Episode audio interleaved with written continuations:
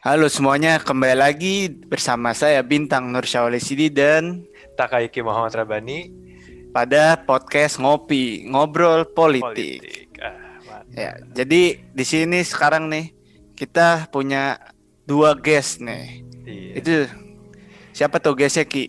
Spesial banget sih, kayak sesepuh kita gak sih di Kastrat?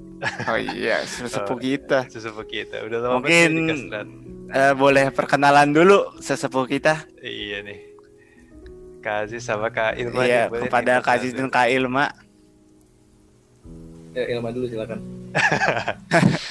Oke, halo guys, sobat ngopi ya. Gue Ilma Fasilkom 2018 yang kebetulan sekarang ngebantuin KBM gue buat ngoordinatorin di bidang sospol. Oke. Oke, udah gitu doang ya. Oke, lanjut ya. Eh, gua Aziz, Sistem Informasi Angkatan 2018. Tahun lalu juga di Kastrat. Tahun ini ya masih di PM. Oke.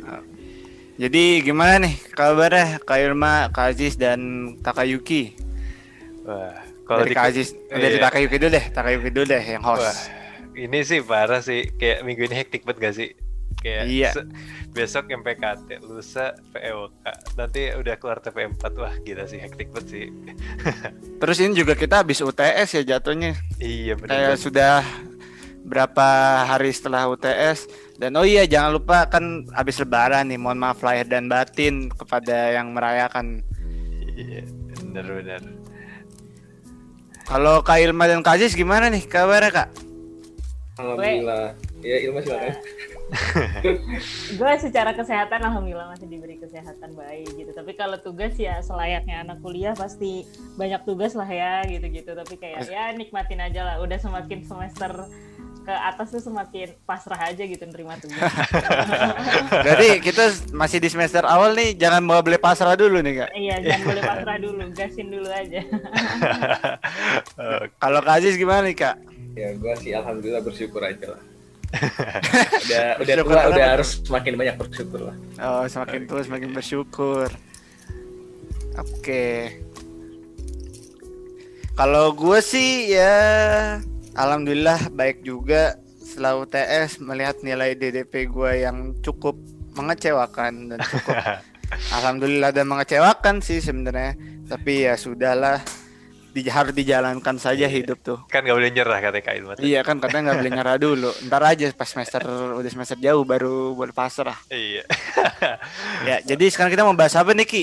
Nah, kebetulan banget nih di kita tuh kemarin nih tanggal 21 di itu Hmm. ada banget hari spesial di sejarah Indonesia nih di. Woi apa tuh? Nah, jadi tuh di tanggal 21 kemarin itu kita udah merayakan 23 tahun kita reformasi nih di. Asik, reformasi sama 23 ta 23 ya, ke Iya. 23. Bener bet dari tahun 98 ya, dari 98. Nah, jadi nih di podcast kita kali ini kita bakal nih eh, bertanya-tanya apa kabar sih sama kondisi reformasi kita di di masa sekarang. Hmm. Apakah semakin baik atau bagaimana perkembangan apa reformasi kita setelah 23 tahun ini ya? Nah, bener betul. Nah, oke nih mungkin straight to the point aja kali ya kita langsung bahas bahasannya gak sih? Oh iya, langsung bahas aja deh kita. Iya, Tutup poin. gini nih kak, gue penasaran nih. Kan selama eh, adanya proses reformasi sama mungkin nih generasi bapak-bapak kita, ibu-ibu kita atau ya mungkin teman-teman kita di generasi di atas kita satu lah ya. Nah itu kan sama proses itu kayaknya setahu saya itu banyak banget nih kasus-kasus pelanggaran HAM. Nah gimana sih kabar dari kasus eh, pen- eh, penanganan dari pelanggaran HAM ini? Kan soalnya gini nih kak, kayak masih banyak banget kan yang kata aksi-aksi yang lagi ongoing nih terkait Hmm, kasus HAM. Kayak contoh nih eh, apa misalnya kayak aksi kamisan. Aksi kamisan ini buat eh, teman-teman yang nggak tahu aksi kamisan ini kayak eh, aksi yang digelar setiap hari Kamis untuk menuntut eh, apa sih kayak hak-hak asasi manusia yang dari eh, aktivis di 98 nah menurut Kak Ilma sama Kak Aziz gimana sih Kak kasus eh, penanganan-penanganan kasus HAM yang ada di 98 Oke. Sebenarnya eh, disclaimer dulu ya. Gue di sini bukan expert di bidang HAM ataupun pengamat politik yang apa ya, yang mengelotok banget pengetahuan tentang reformasi. Mungkin di sini lebih ke arah gue berbagi pandangan aja, gue pendapat gue terkait reformasi. gitu. Tadi kan pertanyaannya gimana kabar HAM ya setelah Iya, reformasi. Iya benar. Kalau gue melihat sih sebenarnya di awal-awal setelah 98 tuh udah ada beberapa usaha lah untuk uh, memenuhi tuntutan-tuntutan reformasi seperti uh, amandemen-amandemen yang sudah terjadi kepada uh, UUD UUD sorry undang-undang uh, lalu ada juga pembentukan KPK tapi semakin ke sini ya gue semakin lihat tuh semakin miris ya banyak hal-hal yang terjadi yang bisa dibilang babak baru orde baru gitu babak baru menuju orde baru yang lebih baru gitu. apa sih bahasanya Iya iya iya. seperti iya. itu lah. Iya iya ngerti Kayak- ngerti. kayak kalau kita lihat ya di berita-berita atau saat kita uh, mendengar dari teman-teman dekat kita juga kan belakangan ini sering ada aksi aksi-aksi itu uh, direpres direpresivitas oleh aparat-aparat ada gitu tanpa alasan yang jelas lalu bisa kita lihat juga jurnalisme uh, kurang mendapatkan apa ya hak-hak pers gitu saat meliput aksi atau meliput hmm, kejadian-kejadian yang istilahnya merugikan citra pemerintahan gitu. Gue melihat hal seperti itu yang gue lihat jadinya semakin ke sini eh, kita semakin semakin kayak orde baru lagi gitu. Jadi nggak semakin nggak semakin reformasi tapi kayak eh, Semakin balik ya. lagi. Iya, Malah semakin balik kita ke orde yang Eh, baru. KPK pun bisa dibilang juga sekarang semakin lemah kedudukannya kan padahal KPK itu adalah sebuah bentuk eh, pemenuhan tuntutan reformasi kan sebenarnya Ah, Iya Hmm. benar benar benar. Iya mungkin itu sih kalau yang gue lihat saat ini Oke. Oke. Kalau menurut Kak Ilma gimana tuh Kak? Kayak kalau dari gua kalau kasus HAM ya kayak eh, terutama mungkin HAM-HAM yang yang selalu yang apa yang melekat banget sama reformasi itu kan pasti kayak kasus-kasus eh, terbunuhnya mahasiswa gitu ya ketika aksi gitu kan ya. Nah, memang menurut gue sih ya sama ya, gue sama banget kayak Aziz kalau gue eh, bukan expert, bukan pemerhati banget di bidang itu gitu. Tapi emang pandangan gue sampai saat ini pun emang apa ya? kayak eh, masih masih mungkin masih belum dapat perhatian khusus ya dari pemerintah kayak gitu. Karena teman kawan-kawan kita yang selalu berjuang di aksi kamisan tuh masih terus memperjuangkan untuk untuk dituntaskan kasus-kasus itu gitu. Dan untuk sisanya juga benar kata kata Aziz tadi gitu semakin ke sini juga semakin menuju babak baru orde baru itu ya. Jadi kayak gue juga tadi baca gitu di di sebuah kanal berita gitu yang insya Allah masih bisa terpercaya. Eh, emang dari Amnesty International Indonesia itu juga menilai gitu kalau semakin ke sini tuh eh, reformasi yang udah berjalan 2-3 tahun ini juga apa ya perlindungan untuk kebebasan sipil di Indonesia tuh juga semakin mundur gitu. Kayak tadi ya represivitas aparat terhadap eh, aksi yang ada gitu-gitu atau pembungkaman pembungkaman yang ada di media sosial gitu-gitu kan juga mundur gitu. Paling gitu iya sih gue setuju banget sih sama poin-poin dari Kak Ilma sama Kak Aziz. Terutama tadi nih poinnya Kak Ilma yang mengenai aksi eh, apa kasus-kasus pelanggaran yang emang nggak ditanggapi secara serius nih sama pemerintah. Soalnya kayak ini contohnya ya dari aksi Kamisan sendiri yang gue lihat nih eh, dari berita tadi gue juga lihat. Jadi kayak ada nih kayak eh, eh, dari aksi Kamisan itu ada 570 aksi dan itu eh, apa dia eh, pemerintah itu nggak eh, ngerespon 540 di antara aksinya jadi kayak keliat, lumayan kelihatan lah kayak ini eh, HAM itu nggak terlalu mendapatkan tempat di pemerintahan yang sekarang sama tadi dari Kak Aziz juga bilang tadi kayak makin ke sini tuh kayak ini nggak sih Di? kayak tadi eh, kayak apa namanya kayak kita tuh mengarah ke eh, orde baru yang lebih baru kayak tadi kayak aksi-aksi yang lebih Kayak orde baru versi 2-nya gitu lah. Iya berarti ya sih. Hahaha benar benar benar. Nah, jadi itu ada pertanyaan lagi nggak nih di? eh kalau menurut kakak-kakak sekalian nih kayak apakah nih kondisi pasca reformasi sekarang nih lebih baik dibandingkan sebelumnya gitu? Oke. Mungkin kalau misalnya disuruh bandingin eh, yang mana yang lebih baik, gue nggak bisa apa ya, gue nggak bisa dengan pasti menjawab gitu, karena kan kondisi di sebelum 98 tuh gue belum lahir gitu ya. Iya belum pernah merasakan gitu. Iya, ya. gue belum Hanya melihat doang. Uh, cuman uh, apa namanya melihat dan membaca apa yang sudah dituliskan oleh penulis-penulis sebelumnya gitu. Mungkin kalau menurut gue apa ya ada sisi lebih baiknya, ada sisi yang kurang baiknya juga. Tapi selam, sejauh ini sih gue merasa eh, ini pendapat gue aja ya, correct me if I'm wrong. Tapi menurut gue, seenggaknya setelah reformasi ini kita masih lebih bebas gitulah untuk Hmm. menyampaikan pendapat kita walaupun ya sekarang makin ini ya makin bahaya juga UU ITE ya. Harus dipantau tuh. ya. Iya benar benar benar. Uh, tapi kalau yang kita dengar-dengar atau kita baca-baca dari uh, tulisan-tulisan yang ada kan di saat uh, masa sebelum reformasi, apalagi di puncak-puncaknya pas sudah tahun 90-an itu semakin semakin apa ya, semakin getol lah tuh yang penembak misterius penembak misterius Hmm. itu. Jadi semakin uh, sulit organisasi-organisasi yang tidak sesuai dengan haluan pemerintah untuk bergerak. Gitu. Akhirnya ya jadi Kayak- monolit. gitu. pendapat kayak pendapat-pendapat orang yang itu dibung suka dibungkam gitu sekarang menurut kalian gimana kayak gitu sekarang tuh Kalau sekarang ya, sekarang iya sih, sekarang makin 2021 ini makin mirip kayak orde baru, cuman eh ya gue melihatnya belum sampai separah orde baru, tapi harus harus terus dipantau karena kalau kalau nggak dipantau dibiarkan gitu aja bisa bisa jadi ya bakal balik lagi kayak Hmm. kayak waktu orde baru. kalau menurut kalian mah gimana kak ya kalau misalnya secara eh, sama ya gue juga belum lahir ketika itu gitu tapi kalau dari cerita ya dari cerita dari eh, gue gue baca gitu kalau dibanding sekarang eh, menurut gue ya dampak positif dari adanya reformasi itu tetap masih kerasa sampai sekarang gitu. Kayak benar gitu walaupun sekarang udah mulai eh, rada-rada dibungkam nih misalnya gitu. Kayak wah eh, kita nge-tweet apa gitu UITE gitu kita apa eh, akun kita di ban gitu gitu kan. Jadi udah mulai ke arah sana tapi masih masih apa ya masih masih bisa lah kita menyampaikan gitu. Dan menurut gue juga kenapa sih kita masih bisa juga kalau gue bandingin dari 98 tuh juga apa ya pengaruh society, society juga gitu loh. Kayak sekarang tuh yang namanya medsos ya medsos tuh kan masif banget gitu. Sedangkan dulu nggak ada yang namanya medsos gitu. Orang kalau mau nyampein pendapat bener-bener lewat kanal-kanal yang yang itu-itu aja gitu. Makanya eh, mungkin pemerintah akan lebih mudah gitu eh, mendeteksinya gitu. Karena mungkin nggak sebanyak sekarang gitu ya. Kalau sekarang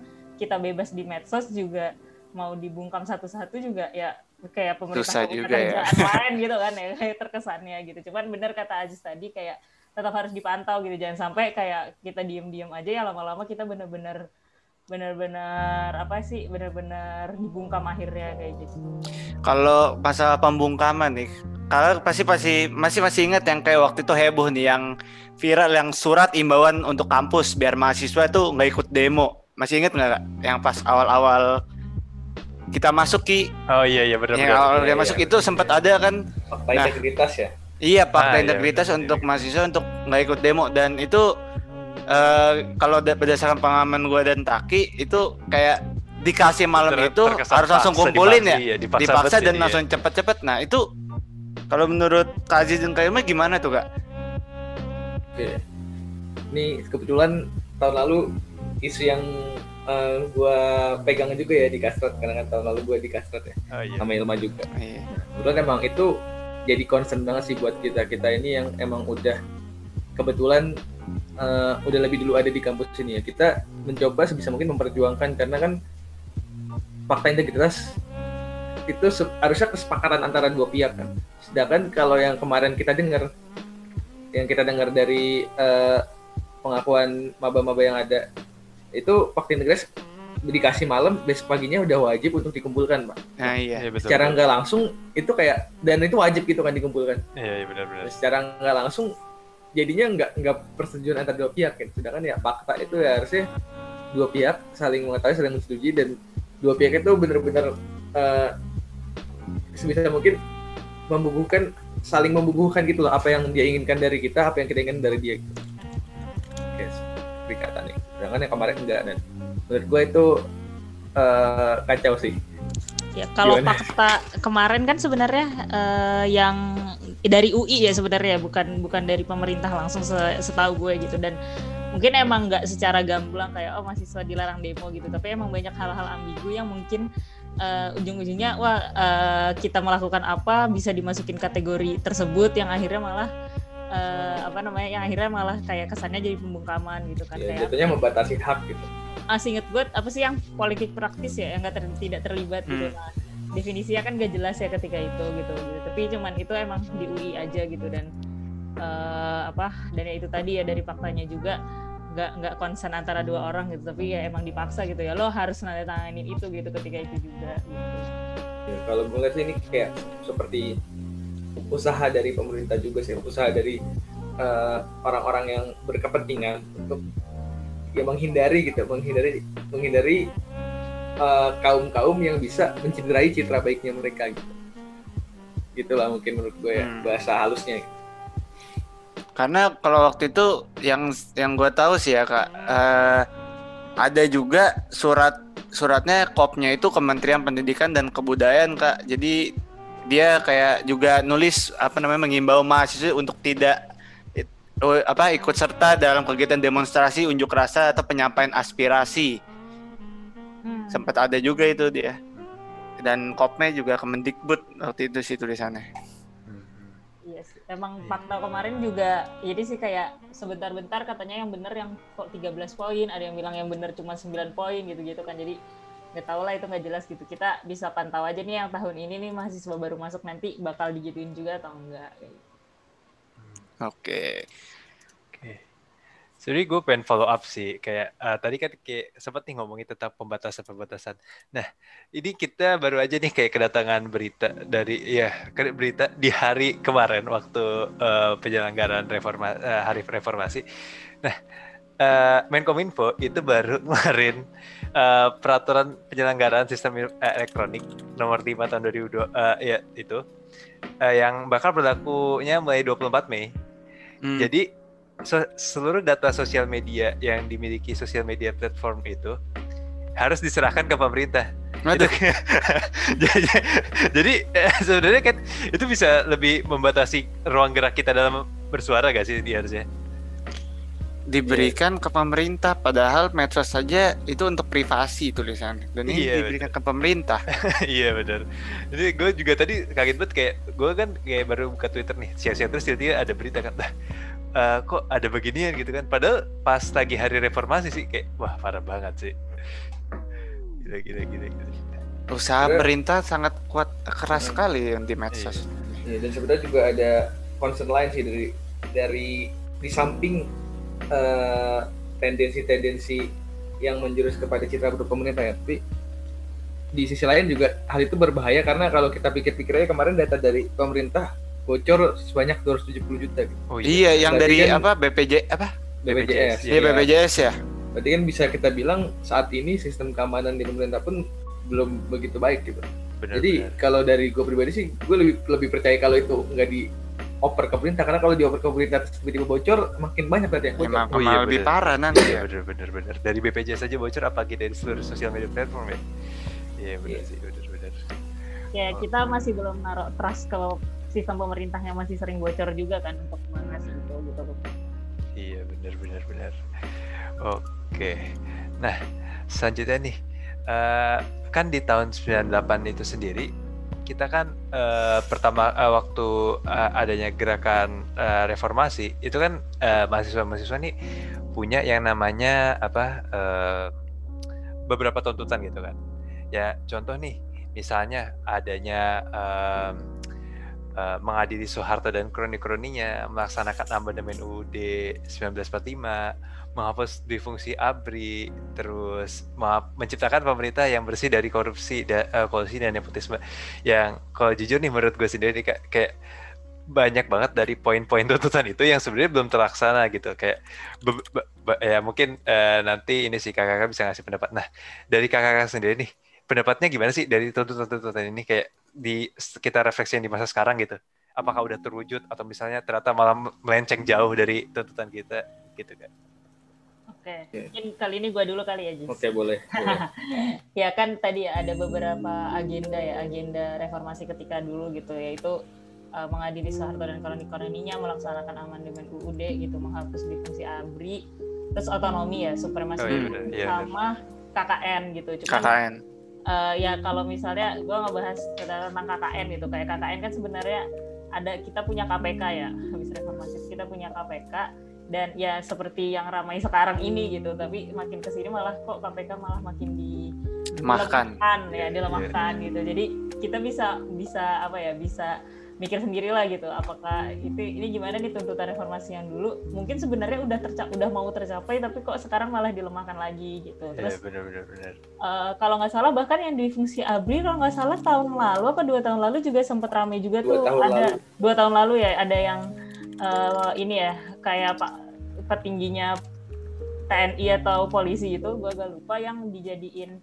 PLT ya kalau nggak salah PLT pengganti kepala daerah gitu. Itu kan juga udah masuk masuk ke arah di fungsi abri gitu. Jadi Hmm. kayak eh, yang sebenarnya udah nggak ada gitu. Jadi ketika habis reformasi di fungsi abri udah nggak ada gitu tapi sekarang kok malah malah di ini lagi gitu malah makin di ini makin dikenain lagi lah istilah kayak gitu. Jadi eh, emang ya gue masih gue nggak tahu sih kayak kenapa kenapa menurun lagi nih ke arah sana lagi kayak gitu. Makanya eh, makanya semakin memperkuat kon- apa eh, memper hipotesis gitu ya. Kalau eh, emang sekarang ini lagi menuju tadi ya orde baru periode baru lagi gitu. Oh, iya, mau tadi ya. Itu coba dari Ajis gimana tuh Jis? kalau kalau tadi pertanyaannya apakah tuntutannya sudah terpenuhi apa belum ya? Jelas masih jauh kalau menurut gua oke ya benar amandemen udah ada sebanyak empat kali kan setelah reformasi Hmm, terus bener. mungkin penghapusan doktrin di Fix Abri juga sudah eh, sudah ada gitu Kayak sudah sudah sudah pernah dilakukan penegakan supremasi hukum hmm, masih jadi pertanyaan karena terbukti dari aksi kamisan aja pun aksi kamisan itu kan mempertanyakan ke mana korban-korban eh, 98 itu menghilang gitu. tapi sampai Iya. sekarang belum ada jawaban dari sana Hmm. lalu eh, pemberantasan korupsi kolusi dan nepotisme ya kalau kita bisa lihat sekarang sekarang aja KPK semakin apa ya semakin kondisinya itu semakin nggak ideal lah menurut gua. Hmm. gimana mau uh, memenuhi tuntutan itu? Terus masalah desentralisasi hubungan pusat dan daerah masih banyak hal-hal yang nggak harmonis antara pusat dan daerah. Bahkan sesama instrumen pusat pun kadang tidak sinkron tidak harmonis. Mewujudkan kebebasan pers apalagi gitu kebebasan pers sangat-sangat dijegal kalau uh, hasil persnya itu hasil liputannya me- meliputi citra buruk citra, citra buruk pemerintahan gitu. Terus apalagi mewujudkan kehidupan demokrasi, gitu. demokrasi yang seperti apa yang diharapkan oleh pemerintah itu gue nggak tahu. gitu. Jadi jawaban singkatnya ya masih jauh lah kalau dari kata terpenuhi. Oke. Iya sih benar juga. Kayak terutama yang kata poin tentang tadi kayak eh, pemberantasan korupsi kayak terutama yang kata ini sih di yang gue pernah lihat yang kata masalah tes wawasan kewarganegaraan yang Oh, iya. iya itu Kebangsaan, eh, kebangsaan. Ya, kemarin kebangsaan, ya, iya, iya. gue gue denger tuh kemarin tuh.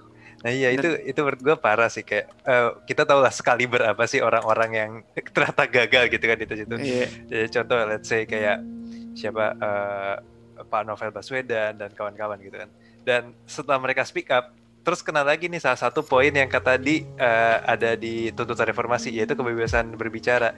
Dan yang kalau misalnya lu belum tahu, ternyata oh telegramnya Pak Telegram atau WhatsApp gue lupa. Telegram Pak Novel Baswedan langsung kena retas sama orang itu menurut gue kayak wah ini parah sih kayak kebebasannya udah kena terus pemberantasan korupsi juga langsung kayak makin kacau gitu sih menurut gue menurut lu gimana di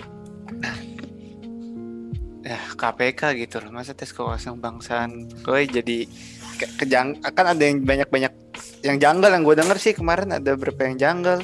Cuma gue nggak terlalu ini ini banget sih kemarin.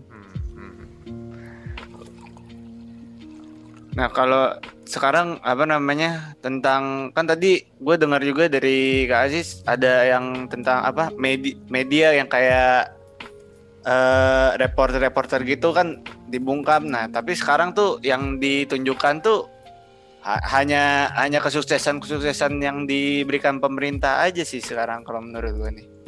Kalau Iya. tentang media ya sekarang. Kalau menurut Kak Aziz nih, kalau media sekarang nih yang meng-highlight pemerintah tuh gimana kak? Ya karena kalau kita kita coba ini aja, coba kita eh, lihat aja siapa pemilik dari eh, perusahaan medianya. Ya kalau pemilik perusahaan media itu adalah orang yang ada di jajar, jajaran pemerintah ya wajar aja gitu kalau misalnya eh, citra-citra baik terus yang diliput gitu. Sedangkan kalau misalnya media-media yang kritis itu banyak banget yang sulit untuk dipersulit lah untuk meliput hal-hal yang krusial gitu istilahnya. Jadi ya gue tidak mau menyebut medianya lah ya. Jadi kalau kita pengen baca-baca berita atau uh, pengen mencari tahu sesuatu itu kita coba lebih inilah lebih kritis sedikit gitu. Seenggaknya ya gue tahu itu berita yang disampaikan benar gitu. Dia tidak bohong tidak uh, ini tapi kan ada keberpihakan itu ada ada yeah. ada beberapa hal yang oh ya dia, dia sengaja ngambil dari sudut, sudut pandang ini. Ya benar sih maksudnya nggak ada yang dia hapus nggak ada yang dia uh, mungkin nggak usah jauh-jauh dari lihat berita apa. Mungkin kita lihat aja kalau misalnya lagi ada pemilihan. Isinya pasti channel-channel tuh partai Iya benar-benar kayak tergantung pemiliknya tergantung siapa. Pemiliknya iya. punya siapa yang ditunjukin siapa. iya benar-benar benar-benar. Udah kelihatan sih kalau Iya. Oke. Lagi kalau lagi pemilihan apalagi yang punya stasiun TV banyak gitu ya. Ya iya udah itu isinya sama ya. semua itu. iya benar banget. Terus hasilnya juga beda-beda di tiap TV biasanya. Iya benar tuh. Iya Kalau nyadar hasil voting tuh biasanya beda-beda tiap TV. Iya benar benar benar. Nah, ini kan kita sebagai pelajar, sebagai mahasiswa nih terutama apalagi kita di Fasilkom di bidang teknologi nih apa yang bisa kita lakukan nih untuk kayak menjaga nilai-nilai reformasi ini biar tetap tetap terwujud gitu, biar dapat terwujud. Mungkin Ilman dulu atau gue dulu?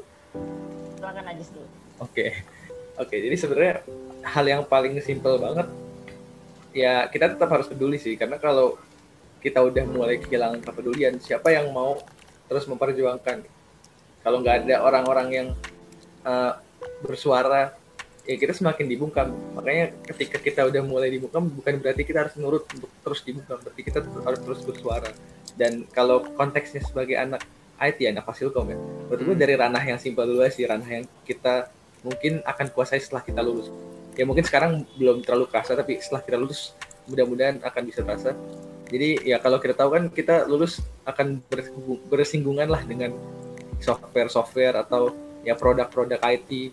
Nah, karena kita tahu nih salah satu hak asasi manusia adalah hak atas privasinya mereka gitu. Hmm. Nah, kita sebagai entah itu kita sebagai developer atau sebagai analis atau sebagai product manager nanti ya sebisa mungkin kita coba untuk membuat produk-produk atau membuat uh, software-software yang peduli terhadap privasi privasi, privasi masyarakat dan kalau emang kita juga selalu sendiri kita nggak tahu ya kita kan belum tentu bisa eh belum tentu eh, terjunnya itu ke dunia yang dunia praktis banget tapi kita juga siapa tahu kita jadi pengamat atau apa gitu.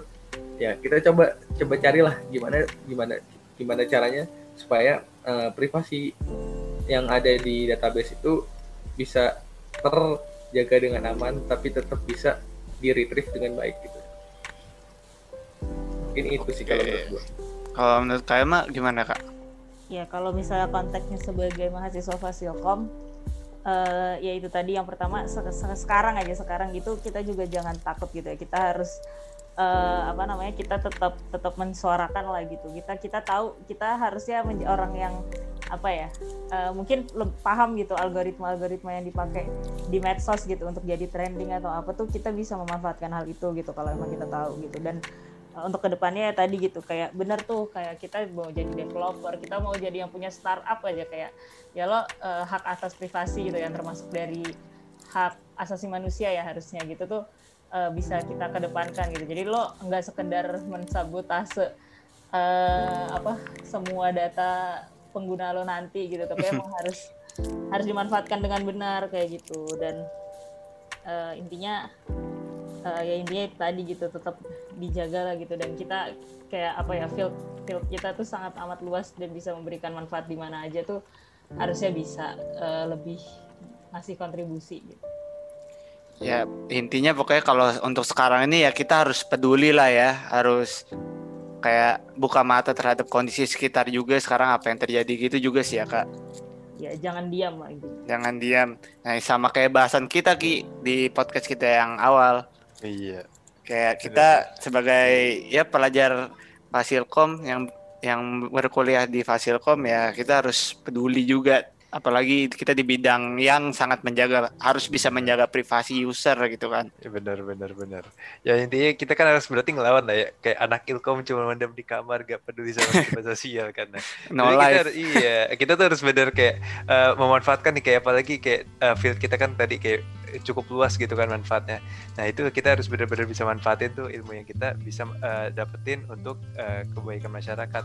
Nah terutama nih kan kayak uh, kebijakan tentang privasi kan kayak mungkin nih pemerintah sendiri misal belum mampu untuk melindungi data. Nah dengan ilmu yang kita miliki nanti ke depannya mungkin kita juga bisa nih kayak mengembangkan uh, apa ya kayak uh, perlindungan data yang lebih baik gitu. Jadi sebelum ada kebijakannya mungkin kita bisa nih menciptakan suatu uh, software atau apa yang bisa menjaga privasi uh, pengguna tuh lebih baik gitu. Yang penting harus bermanfaat lah bagi masyarakat untuk apa menjaga privasinya lah membantu masyarakat lah jangan malah jadi hacker nanti iya benar benar jadi hacker ntar ngeri ngeri iya, malah bener. nyuri data orang jangan bener. lah jangan yang iya, positif bener. aja oke uh, mungkin ada yang mau dibahas lagi nggak nih Ki?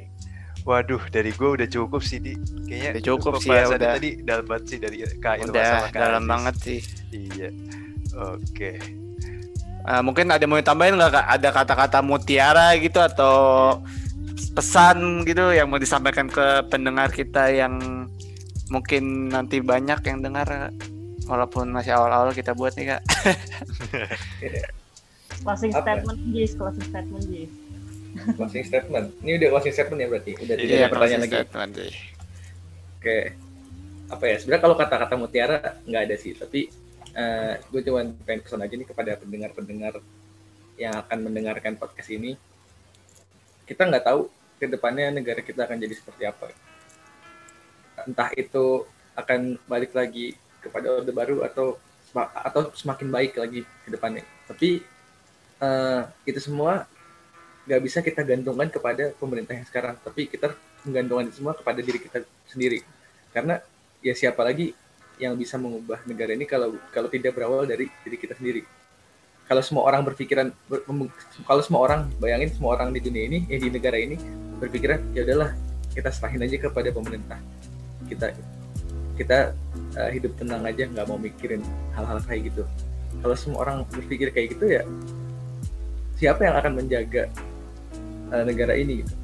Makanya uh, kalau kita sedang berpikiran untuk bodo amat dengan hal-hal kayak gitu ya kita coba renungin lagi gitu. karena satu satu bantuan satu atau satu kepedulian kita itu sangat sangat bisa menentukan uh, arah negara ini kalau diakumulasi dengan jutaan orang lain yang ada di Indonesia. Oke, mantap sekali ya. Aduh, bijak banget sih. Bijak banget sih, dalam dan bijak. Iya. Oke, dari Kak Kalau dari Kak Ilma ada nggak kan nih Kak? Kalo Sebagai sesepuh kita. Sesepuhan Ajis lah.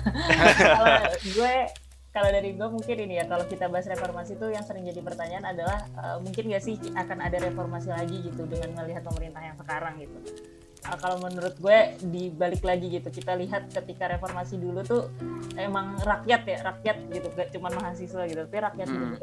dengan kepentingan yang sama kayak gitu dengan kepentingan yang sama dengan tujuan yang sama gitu dengan keresahan yang sama makanya kita, dia bisa punya kekuatan rakyat yang sebegitu besar ya gitu gitu nah kalau misalnya ditanya poin sekarang lagi ya lihat lagi gitu ketika kita turun ke jalan bareng apakah kita udah punya tujuan yang sama itu juga atau enggak gitu. Kayak kemarin oh UU Ciptaker kemarin disahkan juga lumayan gede aksinya gitu. Tapi kita lihat lagi gitu apakah mereka turun dengan tujuan yang sama gitu dengan keresahan yang sama gitu. Jadi menurut gue yang poin penting gitu dari reformasi yang sebenarnya tujuannya kan untuk kebaikan kebaikan bangsa itu tentang persatuan gitu. Jadi meski meskipun e, cara yang diambil berbeda gitu tapi kalau punya nafas yang sama tuh pasti uh, bisa jadi kekuatan besar gitu ya itu kekuatan rakyat yang emang bisa apa ya ya yang benar-benar dari rakyat untuk rakyat lagi.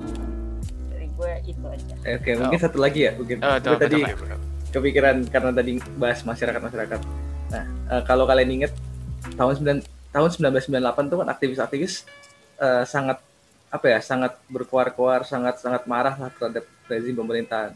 Tapi setelah 23 tahun berlalu banyak di antara aktivis-aktivis yang saat itu berkuar-kuar saat ini duduk di bangku-bangku pemerintahan dan bangku ya bangku-bangku parlemen gitu. Iya, iya. Nah, yang perlu kita ingat adalah ini gue nggak perlu bahas kalau ya kalian pasti udah tahu maksud gue iya, apa. Iya. Jadi gue nggak usah bahas. Tapi yang perlu kita ingat adalah saat ini kita mungkin dengan ya idealisme masa muda ya karena kita masih muda pastinya masih masih banyak idealisme yang tersimpan di hati kita gitu.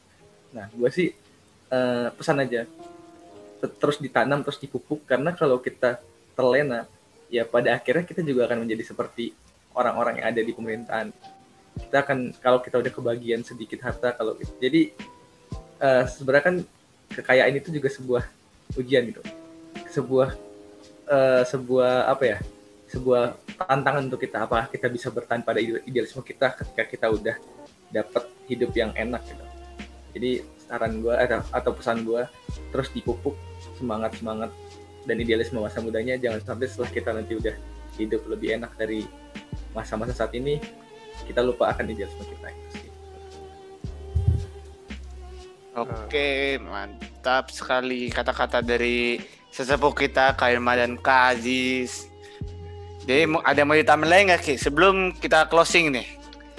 Apa ya? Ini sih gue cuma pengen bilang makasih banyak banget nih buat Kak Ilma sama Kak Aziz. Iya, makasih banget nih Kak ya, udah, udah nyempatin iya. waktunya buat datang di podcast ngopi nih ya. Iya, udah ngasih insight ya kayak pasti bermanfaat banget sih buat iya, kita mahasiswa khususnya kayak kita sebagai anak ilkom bener bener jadi Ya, mungkin udah uh, itu aja mungkin dari kita dari podcast Ngopi ya. Terima kasih banyak buat Kak Aziz dan Kak Irma yang sudah menyempatkan waktunya. Sampai jumpa di episode 3 podcast Ngopi selanjutnya. Saya Bintang Nur Syawal Sidi dan saya Takai Komsrabani. Sampai jumpa di episode selanjutnya.